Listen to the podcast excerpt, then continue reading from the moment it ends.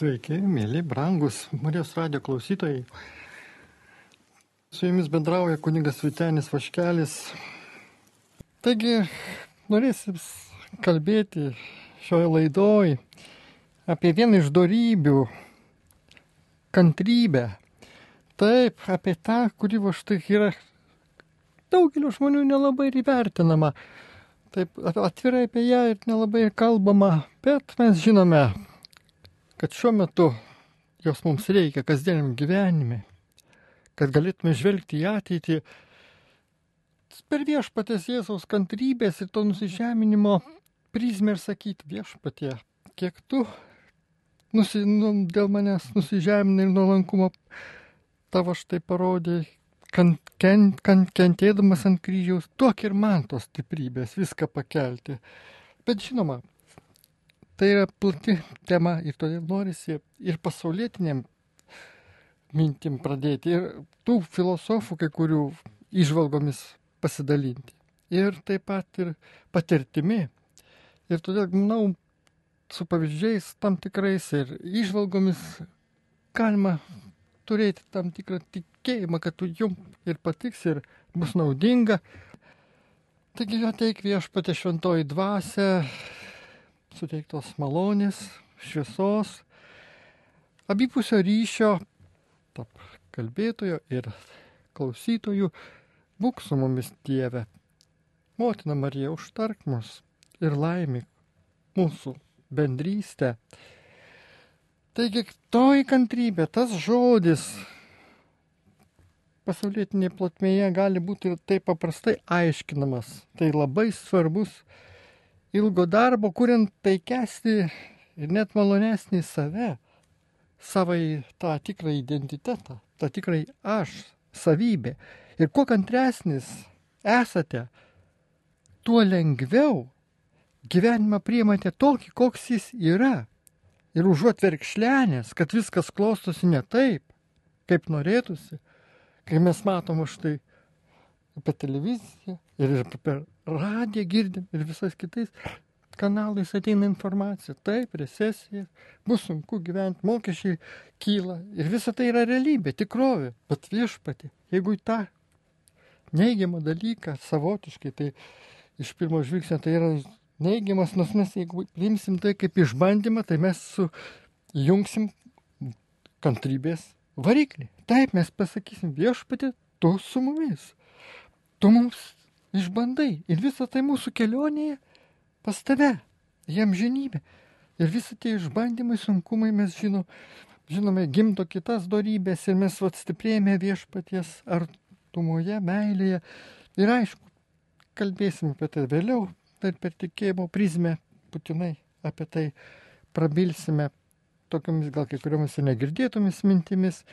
Bet dabar dar toliau tęskime dar tą apmąstymą Nes, pavyzdžiui, neturint kantrybės, jos tokojant, gyvenimas darosi, na, tiesiog nepakenčiamas. Juk labai lengva suerzinti, supykdyti, išmušti žmogų iš vėžių. O štai kantrus žmogus yra daug sukalbamesnis ir tolerantiškesnis. Ir žinot, šitos savybės laiduoja jo vidinę ramybę. Užsibrėžęs tikslą tapti kantresniu, ir jūs turėsite atverti širdį dabarčiai, net jeigu jums tai ir nepatiks.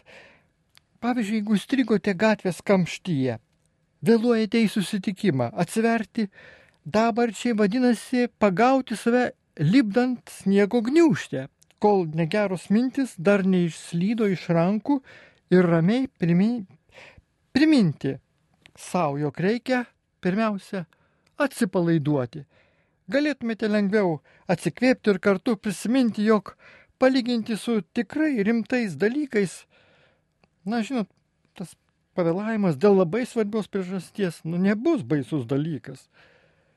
Ir be to, kantrus žmogus sugeba pamatyti kitų nekaltumą. Štai rašytojas Richardas Carlsonas liudijo apie savo šeimą. Mes su žmona Kris turime du vaikus Vienam ketveri, kitam septyneri metai.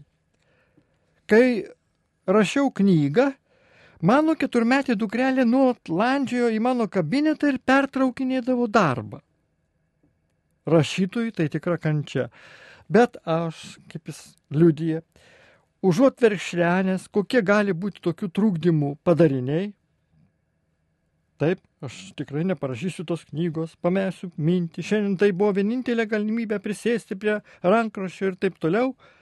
Išmokau, kaip jis liūdė, daugeliu atveju išvelgti, kad ji visai dėl to, ta mergytė nekalta.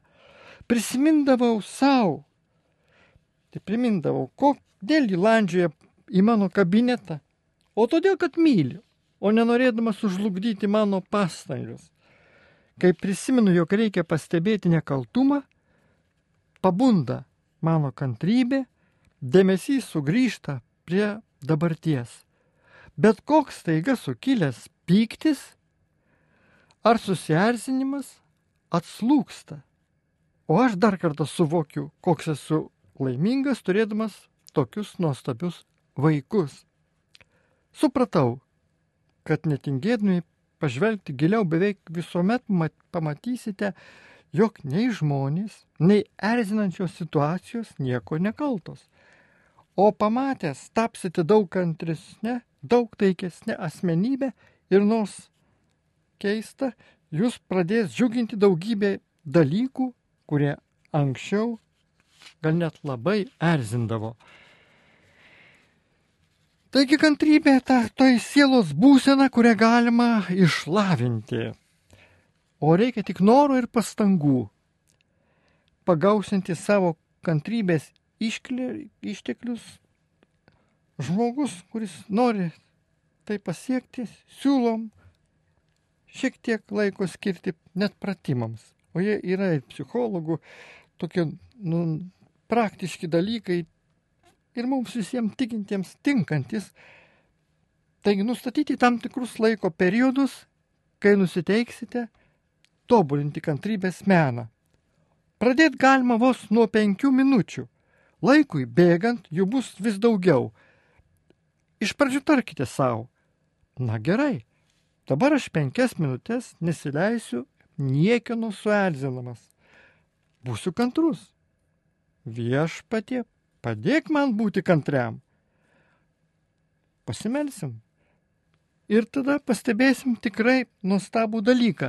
Nusiteikimas būti kantriam, ypač jei žinosite, jog tai užtruks vos keltą minučių, suveiks lik katalizatorius ir jumse viešėti suvešės kantrybė. Kantrybė yra iš tų ypatingų savybių, kurias maitina sėkmė.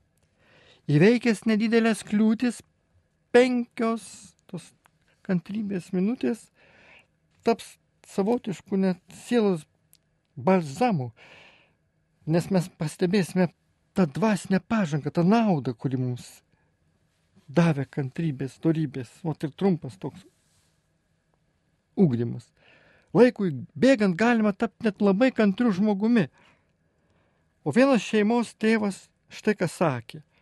Turiu mažų vaikų, Todėl man nuolat pasitaiko puikių progų tobulinti kantrybės meną. Pavyzdžiui, kai mėginu telefonu aptart svarbius reikalus, o abi dukrelės pradeda lysti su daugybė klausimų, tariu savo. Dabar puikus metas pademonstruoti kantrybę. Kokį pusvalandį būsiu, kaip galėdamas kantresnis, Va, jau mes pasiekėm daugiau, 30 net minučių ribą. Taip, nejuokaujam, tai tikrai veiksminga ir galima įsitikinti net savo gyvenimo patirtyje.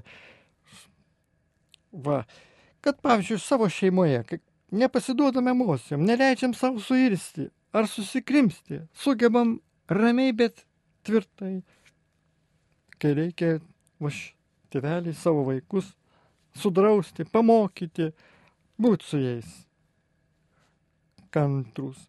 Ir štai, kai mums tai pasiseka, ir mes net galime paskui vakaro maldoje ir sąžinės apiskaitoje dėkoti viešpačiu. Štai ir pažanga dvasinė. Nukreipsime savo kantrybę link sugebu išlik dabartyje, o jei susierzinu, pradedam galvoti apie visus ankstesnius panašius atvejus ir pasijuntam taip, net kartais kaip kankiniai. Maža to, mano kantrybė pasirodo esanti užkrečiama.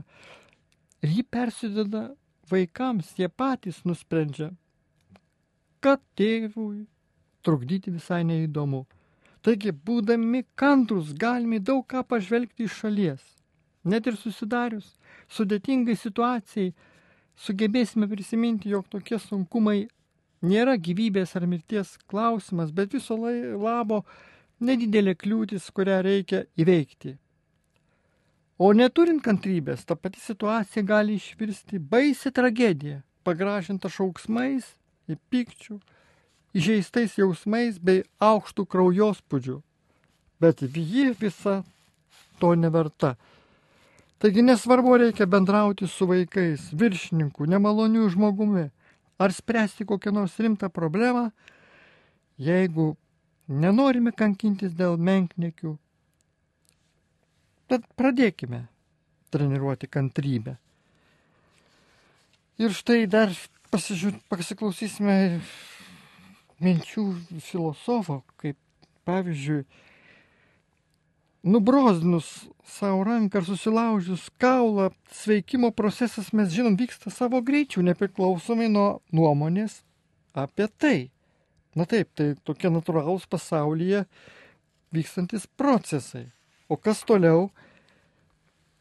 Vienas žmogus sakė, jaunas žmogus, jau žmogus, prisimenu, kaip kartą vaikystėje pavasarį pasėjau ridikėlių sėklas. Vasaros pradžioje pamačiau išsikalusius žalius lapelius. Kiekvieną dieną stebėjau, kaip jie vis truputį paauga, kol galiausiai neapsikentęs pradėjau tuos daigus vis patemti, kad greičiau auktų. Mat dar nežinojau, kad gamta savo paslapis atskleidžia pagal savo tvarkaraštį. Išrovęs mažyčius daigelius pamačiau, kad ridikėlių nėra. Mano vaikiškas nekantravimas sugadino visą reikalą. Yra sakoma, begalinė kantrybė tuštojau duoda rezultatų. Begalinė kantrybė rodo tikėjimą. Jei tvirtai žinome, kad mūsų veiksmai veda į tikslą ir kad siekime didelių dalykų, vadinasi, galim pavadinti net save tam tikrą prasme harmoningą esam asmenybė ir atliekam tam tikrą net labai svarbią misiją. Ramybės jausmas ir yra jūsų tuštojau gautas rezultatas bei palaimos būsena. Taip, taip, todėl vat, štai tą kartais kantrybę pavadinama begalinė, nes pakilėja mus į tokį tikėjimo lygmenį, kai daryti ką nors paskubomis paprasčiausiai nepravartu. Todėl jūs atsikratote poreikio tuštojau pamatyti rezultatus, nes žinote, kad visi įbrėžimai, sumušimai ir žaizdelės gis taip, kaip diktuoja prigimtis, o ne, ne jūsų nekantraujantis aš. Ir dar daugiau, kad mus Dievas myli kaip savo vaikus ir viskas išeina į gerą mylintiems Dievą. O tada bus lengviau su malda širdis, į širdis priimti gyvenimo išbandymus. Taigi nebėgti nuo jų, kai jie neišvengiami, ir nesiskūsti, neverkšlenti, nepanikuoti, nepulti depresiją, bet mokėti priimti. Nekantravimas pakursto baimę, sukelia stresą, sutrikdo žmogų. Kantrybė pasireiškia pasitikėjimu savimi, ryštingumu ir ramiu pasitenkinimo jausmu. Stebėdami savo gyvenimą, atkreipkite dėmesį, kaip dažnai jūs tuštojau reikalaujate sėkmės požymių, užuot matę platesnį vaizdą. Kai turite tikslą ir matote platesnį vaizdą, nebesiekite tokio įvertinimo, kaip nedelsint prisekti ženkleliai ir aplodimesmentai. Vienas taršytojas bylojo, mano požiūris į blogus įpročius ir kovą su jais gali tikti kai kurioms jūsų gyvenimo situacijoms. Kol dar turėjau blogų įpročių, Stengdavausi kovoti su alkoholizmu ar besaikiu kavos vartojimu. Pasiekęs nedidelės pergalės, pavyzdžiui, vieną dieną ne, negėriau. Prarasdavau budrumą ir vėl griebdavausi kolos ar alaus atšvesti. Žiūrėdamas į mažus pasisekimus, trukdžiau savo pačiam užbaigti darbą. Išsiugdęs tą kantrybės, tam torybės laipsnį, tą pavadinsim begalinę, visą reikalą patikėjau Dievui ir prisimindavau, jog tobulas Dievas visada su manimi, net mano didžiausio nuopolio akimirkomis. Būdamas be galo kantrus, mačiau, jog nuodingos medžiagos trukdo pasiekti mano didžiausią tikslą ir jų atsisakiau.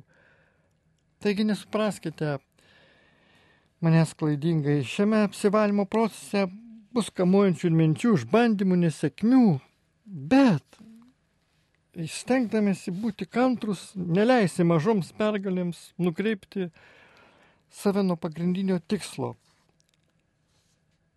Leisim procesui vykti savo žingsniu ir aiškiai matysime, kaip atsikratę nekantravimo pakilome į tą lygmenį, kokio anksčiau, kai sveikindame, sveikindavome save su mažomis pergalėmis ir vėl atsitraukdome į pralaimėjimą, niekada nebuvome įsivaizdavę. Taigi, jei išvelgėte šios situacijos paradoksalumą, jums patiks šie du paradoksalūs posakiai. Begalinė kantrybė tuštojau duoda rezultatų ir vieną dieną ateina amžini rezultatai. Taigi, kad suprastume, jog absurdiška nekantrauti, pasukite laikrodį keliomis valandomis į priekį arba nuplėškite kelių mėnesių lapelius savo sieninėme kalendoriuje ir pažiūrėkite, ar paspartinote laiką. Nesėkmės, nusivylimai, tušto jau pasiekta sėkmė. Visa tai ilgo kelio į tobulybę dalis. Stebėdami prigimti ir aplinkinį pasaulį, suprasite, jog turite leisti žaizdai užgydyti, užgydyti savo greičiu, o norėdami suvalgyti, pavyzdžiui, figą, turite palaukti, kol jį pražys, užmėgs vaisių ir prinoks. Pasitikėkime prigimtimi, atsikratykime noro skubėti. Ir mums padės šie pratimai, kaip Dievo pagalbos prašydami, nevertinsime savęs kaip sėkmingo ar nesėkmingo, remdamėsi pirmais pasitaikiusiais požymiais. Jeigu žinome, kad esame kelyje į daug didesnį tikslą, negu pasiekėme šiandien iš šių dabartinių rezultatų, pinklių, išsivaduosime. Tad neverta pirmauti žaidimo pradžioje, jeigu tai užtemda, užtemdo visą žaidimo viziją. Galvosime, kokią reikšmę mūsų darbai turės, pavyzdžiui, po 500 metų, ar ne 5 minučių laikotarpiu. Taigi ilgesnis te bus intervalas, o tai jau susijęs su amžinybė.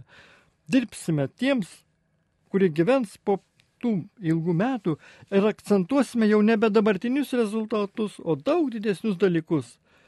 Taigi, būkime kantrus, kai pasiseka ir kai esame nusivylę, nes Dievas visada su mumis. Kai galime pavesti savo problemas aukščiausiajam, Bematant perinamai begalinės kantrybės būseną ir mažų sėkmės požymių nebeieškoma vien šiandien. Tęsiant apie kantrybę apmąstymus, prisiminkime ir palaimintojo Jurgio Matulaičio laiško kunigui Jonui Totoraičiui. Štai tokią va mintį jis rašė. Žemė nerojus, Žmonės, ne angelai, be kryžių gyventi negali. Reikia mokytis, kantriai ramiai visokie kryželiai nešti. Ir užrašuose palaimintasis Jurgis Matulaitis vat, savo knygoje rašė, tai nesiduoda, kas, kad kas jį atitrauktų nuo to, kame jaučia, kad bus didesnė Dievo garbė, nuo to, kas gali geriau Dievui patikti. Te žengiais kantriai, su ištverme prie tikslo, nepasiduodamas jokiai baimiai dėl pavojų, nenusimindamas dėl kliūčių ir sunkenybių. Taigi šito bula dovana ateina iš Dievo. Ir mūsų Dievas yra vadinamas kantrybės Dievas. Jis yra jos autorius. Mes taip pat skaitome apie Kristaus kantrybę antram tesalonikiečių laiške. Viešpas telenkia jūsų širdis į Dievo meilę ir Kristaus kantrybę. Be kantrybės negali būti tikro pasiaukojimo, nei Dievo valios vykdymo nelaimėje, nei pasitenkinimo kiekvienoje būstinoje, nei dėkingumo už kiekvieną atleidimo malonę. Kantrybė lydi kiekvieną malonę, taigi tikėjimą, viltį ir meilę. Kaip galima iššūkdyti kantrybę? Pirmiausia, kantriai ištveriant kančias. Ir vėl žvelgiame apaštalą Paulių, kuris sakė, džiaukitės viltyje, būkite kantrus varge, ištvermingi maldoje, vargai, išbandymai yra Dievo vaikų savybės ir tuo jie skiriasi nuo kitų. Kristus sakė, kad tos kančios tikėtis šiam pasaulyje reikia. Ir reikia mokytis, kaip tai ją priimti, kaip pakelti sunkumus. Kiekvienas Kristaus sekėjas turi savo ypatingą kryžių, kurį jis turi nori paimti ir džiugiai nešti. Vargai ruošia kelią į dangaus šlovę. Jie yra tas siaurasis kelias pripildytas kančios ir per šį kelią visi krikščionių piligrimai ir keliautojai turi praeiti ir taip įeiti į karalystę, kaip padarė Kristus. Vargai yra nekas kita kaip tėviškos meilės išraiška ir anksčiau ir vėliau pavirsi gerą. Svarbu nemurmėti ir nereplikuoti, nesiskūsti. Nereikėtų tad skubėti atsikratyti kančių tikintiesiems, bet dar pagalvoti, ką visą tai reiškia. Kodėl jie mane ištiko, gal tai pamoka ir panašiai. Kantrybė yra reikalinga, tad vykdant viešpatės valią. Taip reikia jums ištvermės, kad įvykdę Dievo valią gautumėte, kas pažadėta, skaitom žydų, žydams laiške. Vykdyti Dievo valią nereiškia paklusti pamokančiai Dievo valiai, bet nusilenkti jai, gerbiant vargus ir išbandymus.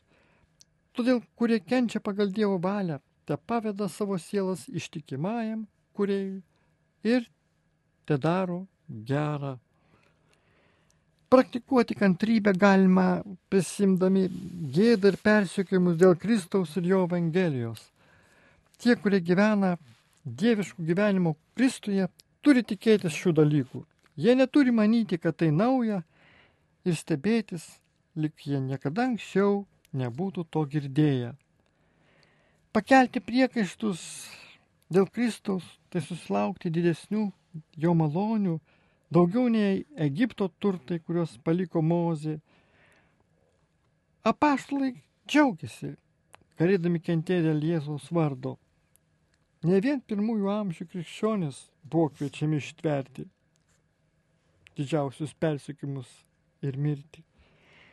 Mes dar vis antikrikščioniškoj kartoje nes antikristų dominavimas dar ne prie pabaigos ir šventieji yra pašaukti kentėti dėl Kristaus. O šventieji tam tikrą prasme mes patys siekdami tobulumo esame tie žmonės, kurie va štai suprantame, kad tai yra šventosios dvasios ir Marijos era, kad iš tikrųjų malonė nugali antikristo bet kokį tą veikimą stipresnį, kai mes atsiduodam Dievui ir prašom malonės džiugiai apskritai būti laikė ir kantriai pakelti viską, neapleidžiant savo darbų, nesitraukiant nuo, nuo pareigų. Taigi kantrybė yra išbandoma ir ugdoma net per šito nugundimus. Mes žinom, pats viešpats Jėzus kentėjo, patirdamas daug tų pagundų ir kantri ištvėrė kančias, atmesdamas kiekvieną jų. Jis mums padeda, kai esame gundomi ir meldžiasi už mus, kai mūsų tikėjimas, atrodo, ima ir susviruoja, bet vis dėlto jis ateina į pagalbą mūsų silpnumui. Jis užtikrina, kad jo malonės pagundų metu pakanka to tų dovanų. Tai kad mes va jas pastebėtume ir dėkotume viešpačiui ir viską pakelsime su jo teikiam malonę, nes kantrybė įgyjama per savitą dieviško artumo atsitraukimą nepagodoje ir slypinčią tyliame viešpatės maloningo apsireiškimo laukime.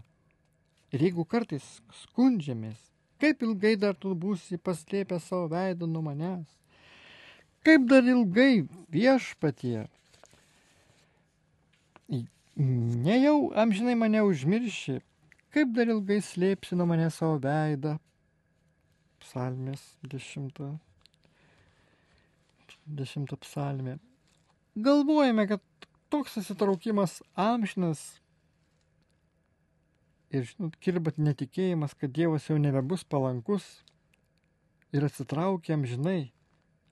O turime būti kantrus ir laukiantis kaip pranašas Izaijas.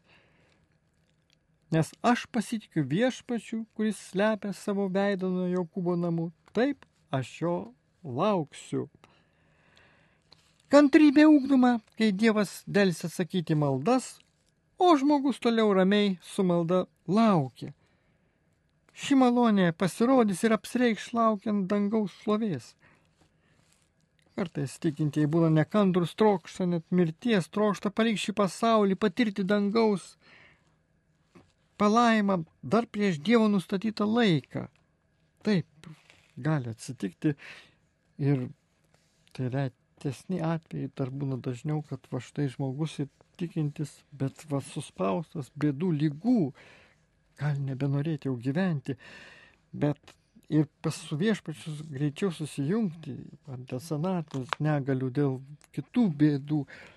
Ir čia viešpatės jau valia pasireiškia, jau jis savo nuožiūrą elgesi, brandina be abejo tą žmogų, per išbandymus sunkumus va įveda į tą dangaus šlovę ir mes skaitom žydų, žydams laiške. Todėl mes šitokio debesies liudytojų apsupti nusimeskime visas kliūtis bei nuodėmės pinklės ir ištvermingai bėgime mums paskirtose lenktynėse. O lenktynės reiškia krikščioniško gyvenimo kryptį šiame pasaulyje. Laukiantis prizas - tai dangaus šlovė, gyvenimo vainikas ir teisumas danguje. Šios lenktynės yra priešais mus, kelias, kuriuo bėgame, yra pažymėtas. Reikia kantrybės į viską, visą išbėgti. Iš dalies dėl lenktynių distancijos, kuri atrodo mums kartais nuobodi, ilgumo, iš dalies dėl rūpešių sunkumo ir drąsos netekimo kelyje. Antai Vinstonui Čerčiliui per visą gyvenimą garsėjusiam užsispyrimu ir gera atmintimi bei laikomam vienu svarbiausių vadovų Britanijos istorijoje teko net tris metus kartoti aštuntą skyrių dėl anglų kalbos o vėliau po daugelio metų kartą pakviestas pasakyti iškilmingą kalbą diplomų įteikimo ceremonijoje Oksfordo universitete, jis te pasakė tik du žodžius. Niekada nepasiduok. Be kantrybės neįmanomas sugyvenimas su žmonėmis, nes be jos nėra galima jokia dorybė, kurios sugyvenimą pagrindžia. Įdų pilnas žmogus yra aštriai kampuotas. Jis visiems užkliūva, nes jis visus užkliudo. Kantrybė mus saugoja, kad nepatektume visuotinį karo, tas stovi tokia būklė su visais, nes ji pažaboja pykčio prasiproveržius, kurie skaldo ir sprogdina visuomenę. Faberis rašytojas sako, kad kantrybė trumpiausias kelias nugalėti egoizmą. Tai nekrikščioniškai nuotaikai pagelbėti, kuri juos per daug prislėgė. Dievą ir artimą ap, aptam, aptamsino ir, ir dar į Dievą ir artimą kelius pastojo ir tuo būdu svarbiausia krikščioniškai Dievo artimo meilės įsakymą padarė net negalimu. Taigi tenka ištvermingai laikytis gėrio, o tam reikalinga kantrybės darybė. Būti kantriam reiškia atkakliai, nepaisant, nepaisant galimų prieštaravimų, laikytis gėrio. Laikytis ilgai, net visą gyvenimą. Taip suvokiama kantrybė nėra vien pasyvus laukimas, o vėliau ištvermingas, veikiau laikymasis iki gyvenimo pabaigos. Žinoma, visą tai dar toliau nešant naštas gyvenimu, padedant kitiems artimiesiams, suvokiant, kad Dievas mums niekuomet neduos mūsų jėgas viršiančių išbandymų. O draugė su tais išmėginimais Dievas mums suteiks ir malonę pakeltus išbandymus. Kaip šventasis Augustinas nusako kantrybę, kaip ypatinga Dievo malonės dovana, nes kuo didesnė mumise Dievo meilė, tuo didesnė kantrybė. Kelias į prarastą į rojų. Štai kas yra kantrybė. Tai galima sakyti netgi tam tikrą darybių darybė. Ir todėl prisimindami dar popiežių Pranciškų 2010 metais jis kalbėjo apie kantrybę. Štai šios tokius žodžius sakė sekmadienio vidudienio maldos proga šventasis tėvas, tėvas komentavo trečiojo advento sekmadienio liturgijoje skambėjusio paštalo Jokūbo laiško ištrauką. Kaip tik jį ragino būti kantri, kantriems. Būkite kantrus, broliai, iki viešpatės ateimo. Ir štai popiežius sakė, manau, kad mūsų dienomis reikia priminti kantrybės ir pastovumo vertingumą. Šios darybės savaime priklausė mūsų tėvų palikimui, o šiandien jos vis mažiau vertinamos. Šiandien pasaulis labiau vertina ne kantrybę ir pastovumą, bet sugebėjimą keistis, prisitaikyti prie naujų ir skirtingų situacijų. Nemenkinant pastarų sugebėjimų, kurie irgi svarbus, Adventas tas laukimo laikotarpis mus ragina lavinti vidinės jėgas, dvasinę atsparumą, kurio dėka matydami, kaip geris, kad geris vėluoja, nepuolame į neviltį, bet jo laukime ir jam kantriai ruošiamės kupini pasitikėjimu. Antai ūkininkas laukia brangaus žemės vaisiaus, kantriai globodamas, kol sulaukia ankstyvojo ir vėlyvojo lietaus, ir jūs būkite kantrus, sustiprinkite savo širdis, nes viešpaties ateimas arti. Šis palyginimas labai vaizdžiai viską paaiškina. Kas pasėjo javus, žino, kad teks keletą mėnesių kantriai palaukti. Popiežius Pranciškus tęsi. Pasėti javai gyvena savo natūralų ciklą. Valstietis nėra koks nors su viskuo sutinkantis fatalistas, bet pavyzdys tokios mąstysenos, kurioje darniai telpa protas ir tikėjimas. Jis žino gamtos dėsnius ir dirba prie jų prisiderindamas. Tačiau kartu jis tiki, kad viskas yra Dievo rankose. Taigi kantrybė ir pastovumas yra žmogaus sugebėjimų ir pasitikėjimų Dievų sintezė. O kadangi iš tiesų tokia mūsų lydinti tiesa, kad kantrybė tai ne tik pasiryžimas pakelti tos sunkumus, kentėti ir susitaikyti su problemomis, o gebėjimas priimti susikloščią situaciją ir veikti toleragiškai, toleragiškai ir tolerantiškai, kai reikia, mes va štai šią darybę turime va štai iš, iškelti. Tiesiog apvalyti nuo užmaršties dulkių. Ir štai noriu pasinaudoti filosofo Nilo Bertono išvalgomis apie tai, jog kančia mus paprastai susijusi su gebėjimu ištverti ir susitaikymu su iškilomis, iškilusiomis nesėkmėmis, ar tai būtų neįsipildę lūkesčiai, ar tikra nelaimė, nepake, nepakeliamas skausmas. Visą tai, kai tai priemam, kantrybė tradiciškai yra laikoma teigiamų bruožų. Jame galima išvelgti visą rinkinį teigiamų sudedamųjų - savikontrolę, susitaikymą, ištvermingumą, dosnumą, gailestingumą. Neturint kantrybės, ką žinai, ar iš vis įmanoma viltis, tikėjimas ir meilė. Juk ir įvairiose pasaulio religijose kantrybė paprastai siejama su principu į blogį neatsakyk blogiu. Žinom, kantrybės priešybė, nekantrumas, negebėjimas ar nenoras ištverti to, ką suvokime kaip negatyvą, netobulumą. Nekantrumą demonstruojame, kai neigiame realybę dėl to, kad jis sugadinta ir mums norisi ją pakeisti į daug idealesnę įsivaizduojamą ateitį. O kantrybė mums padeda pripažinti, kad gyvenimas tai kova už kiekvieną iš mūsų. O nekantrumas štai verčia mus demonstruoti panieką ir net kartais neikti žmogišką prigimtį. Kartu su nekantrumu ateina bejėgystė, verčianti nusivilti. Bet juk tai nėra teisingas kelias.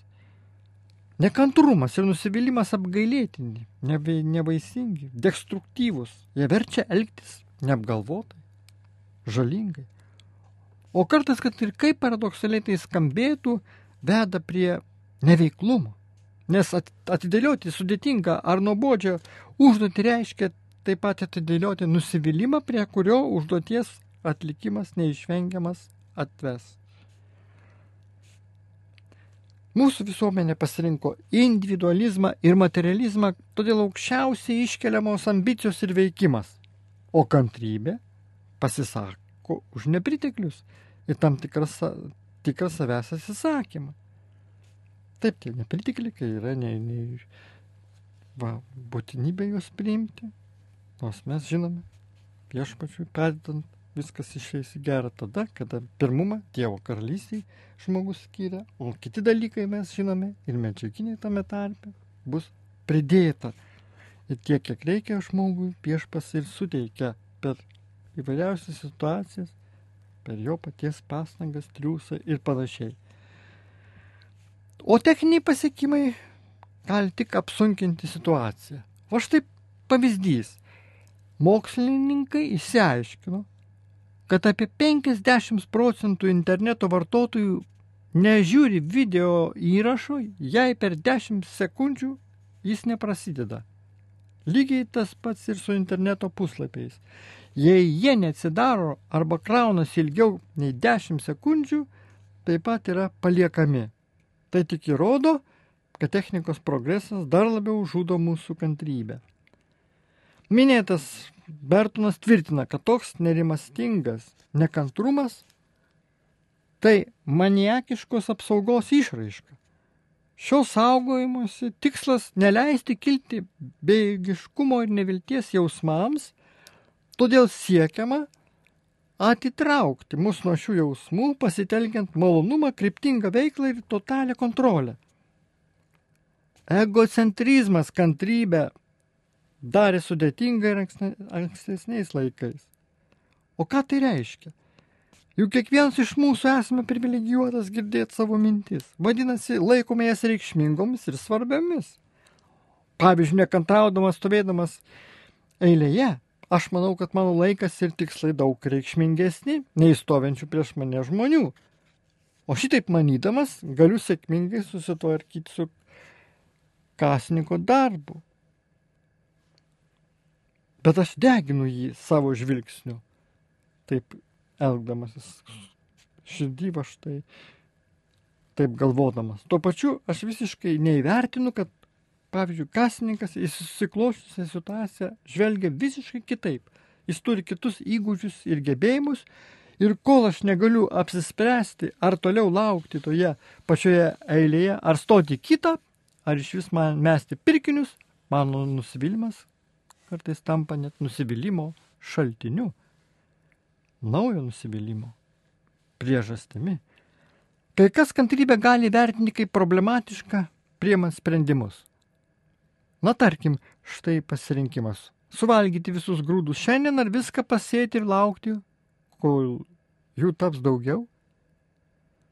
Deja, Vykstant evoliucijai žmonė vystėsi ne kaip ūkininkai, o kaip medžiotojai rinkėjai ir todėl mums sudėtinga priimti toleregiškus sprendimus, išvalgiai pastebi autorius Bertonas. Mūsų protėvių trumparegiškumo vaisius patvirtina žymusis Stanfordo eksperimentas su zefyrais. 1960-ųjų pabaigoje ir 70-aisiais Mišelis atliko seriją atidėto malonumo tyrimų. Eksperimentai buvo atlikti su šimtais 4-5 metų vaikų, kuriems buvo pasiūlytas paprastas pasirinkimas. Suvalgai šį zefyrą arba palaukit 15 minučių ir gausi antrą. Paaiškinę taisyklės, mokslininkai vaiką palikdavo vieną su saldumynu 15 minučių. Susilaikyti ir sulaukti antro zefyro galėjo absoliuti mažuma vaikų. Toliau per kitus 40 metų buvo atliekami nauji tyrimai, kurie parodė, kad būtent toji mažuma vaikų ateityje pasiekė geriausių mokymosi rezultatų ir gyvenime tapo sėkmingi. Jie turėjo žymiai geriau išvystytus socialinius įgūdžius ir nebuvo linkę į priklausomybės kantrybė savyje talpina gerokai daugiau nei paprastas gebėjimas susilaikyti dėl būsimos gerovės. Šio įgūdžio treniravimą galima palyginti su dieta ir daržovių auginimu. Taip, raktinis faktorius lau, laukimas, tačiau nemažiau svarbu sukurti planą ir dirbti, kad jis būtų įgyvendintas. Tad jei dar kalbėsime apie santykius su kitais žmonėmis, negalime visko suvesti į paprastą susilaikymą ar ištvermę. Kalba eina apie aktyvų ir reiklų dalyvavimą. Tuo pačiu kantrybė viena iš atjautos formų, kurios dėka kitose žmonėse imame matyti draugus ir bendraminčius vietoj to, kad ignoruotume juos ir atstumtume. Jei nekantrumas siejame su bejėgiškumu, tai kantrybė su jėga kurią gimdo supratimas. Vietoj to, kad taptume sėkmės ir aklo veikimo įkaitais, kantrybė mus išlaisvina nuo nusivylimų ir jos sukeliamų pasiekmių. Kantrybė dovanoja ramybę ir parodo perspektyvą, apie kurią galima galvoti, kalbėti ir daryti teisingus veiksmus reikimų laiku. Ir tada mes neprarandam pasitenkinimo gyvenimo jausmo. Ir dar vienas, nemažiau svarbus dalykas. Kantrybė mums padeda pasiekti tai, ko be, be jo niekaip nepasiektume. Kelias niekada netaps per ilgas tam, kuris juda samoningai ir be per, perdėtos skubos. Laukimas netaps per ilgas tam, kas ruošiasi kantriai laukti. Parodyti kantrybę visai ne tas pas, kas pasiduoti ir nesipriešinti. Tai labiau reiškia veikti apgalvotai, o ne impulsyviai. Tai taip pat nereiškia nuolatinio susilaikymo, lygiai kaip ir gero vyno laikymas kelis ar keliolika metų nereiškia, kad turime to vyno visiškai atsisakyti paragauti visą tą laiką, kol laukime. Gyvenimas pernelyg trumpas, kad lauktum, bet jis ne per trumpas būti kantriam. Kantrybė daug paprastesnė ir net malonesnė, jei iš tiesų suvokiam jos naudą bei kokiu vaisiu tai atneš jums ir kitiems. 2012 metais eksperimentas su zefyrais buvo pakartotas Rochesterio universitete. Šį kartą dalyviai buvo padalinti į dvi grupės. Vaikus iš pirmosios grupės mokslininkai tiesiog apgavo. Antroji grupė vaikams buvo pateikti įrodymai, kad organizatoriai laikysis žodžio.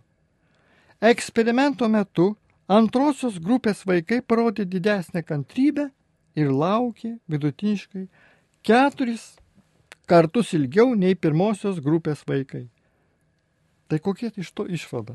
Kantrybė didelė dalimi yra pasitikėjimo ir net tai jį tikėjimo dalykas.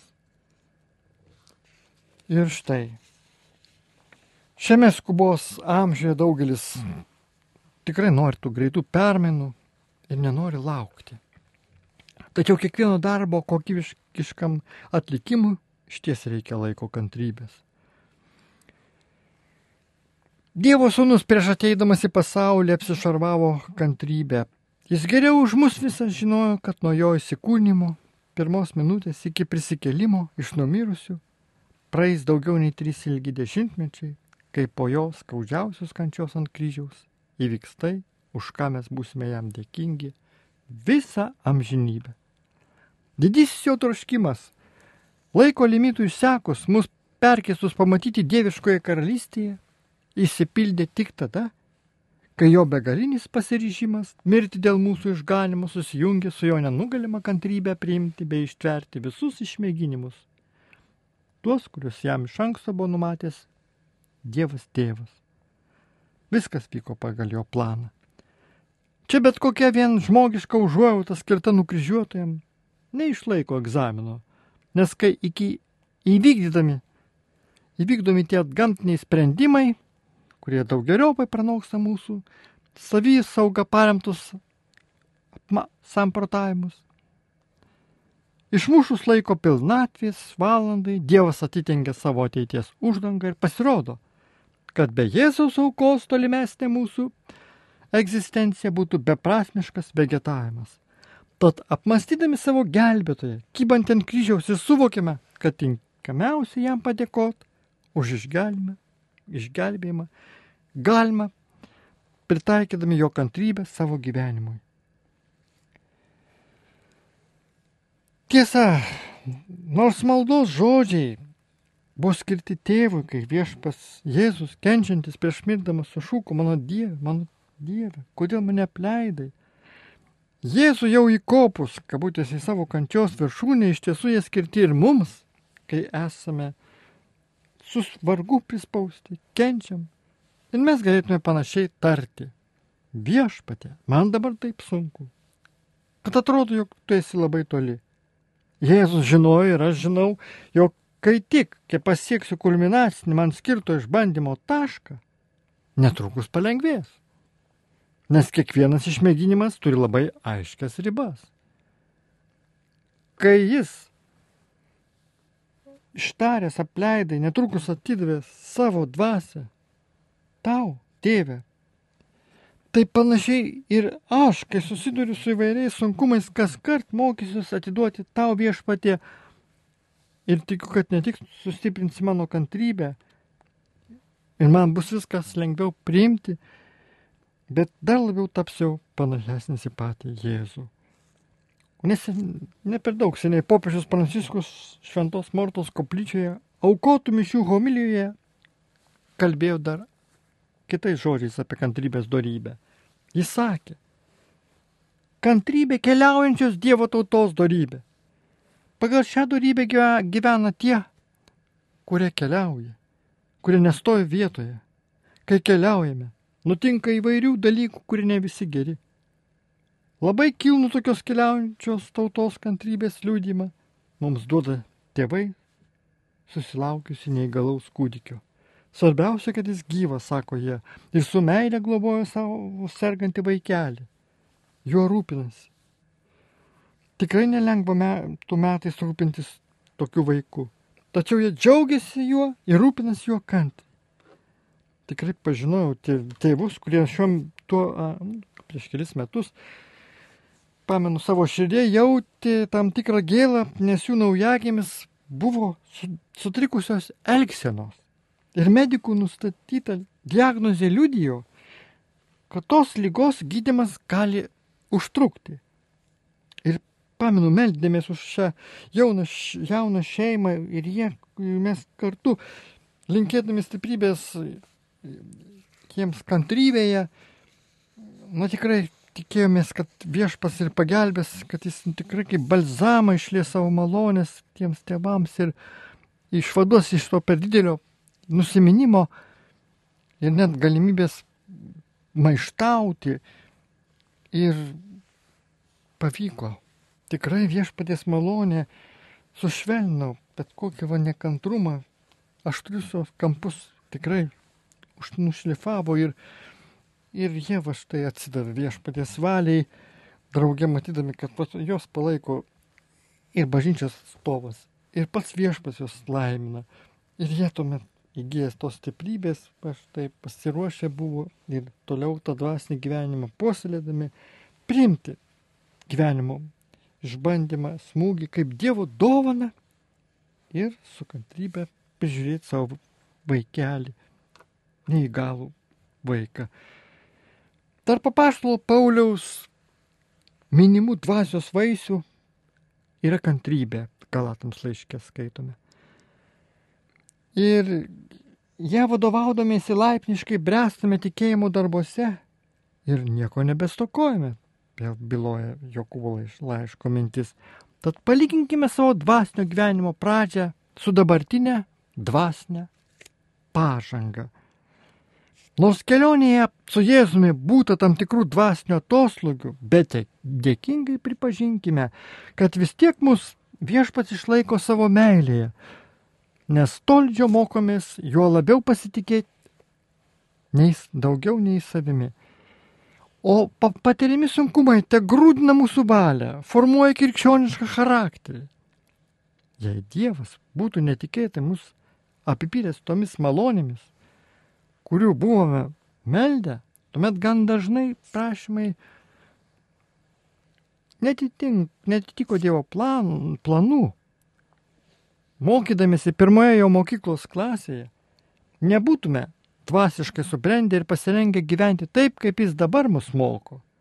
Taigi tik bėgant laikui, metams, stiprėjame darybių praktikoje ir mūsų asmeninė patirtis liudija, jog jo kantrybės dovana yra pamatas, ant kurio stovime ir nevirstame, nes jis mus tvirtai laiko už rankos. Jis yra mūsų atrama, Viešpas Jėzus yra ta uola, kantrybės ir visų kitų darybių. Ir todėl mus moko viešpas savo pavyzdžių. Sekime Kristumi. Ateikime pas viešpatį, suklubdami prieš jį ant kelių. Melskime Jėzau, suteiktos malonės, čia dabar esantysis. Padėk man priimti save tokį, koks esu, su savo silpnybėmis. Taip atgailauju dėl savo nuodėmių, kai reikia atlieku išpažinti, susitaikau su tavai ir noriu eiti iš vienos pergalės į kitą. Prašau, nuženk šventoji dvasia, pripildyk mūsų širdis, savo malonių gausa, ves mus viešpatie, kad galėtume pasinaudoti tą didžią Dievo malonę, dorybę, kantrybę. Taip, jį tegul perauga į ištvermę, pakelti visus sunkumus, visus išbandymus, tos, kurios atrodo bet tavo viešpatė pagalbos mes nepakelsime.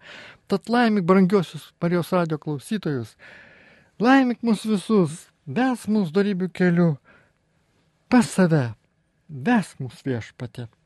Norime tau priklausyti dabar ir visados. Sudiev. Prie mikrofono buvo kunigas Vitenis Vaškelis.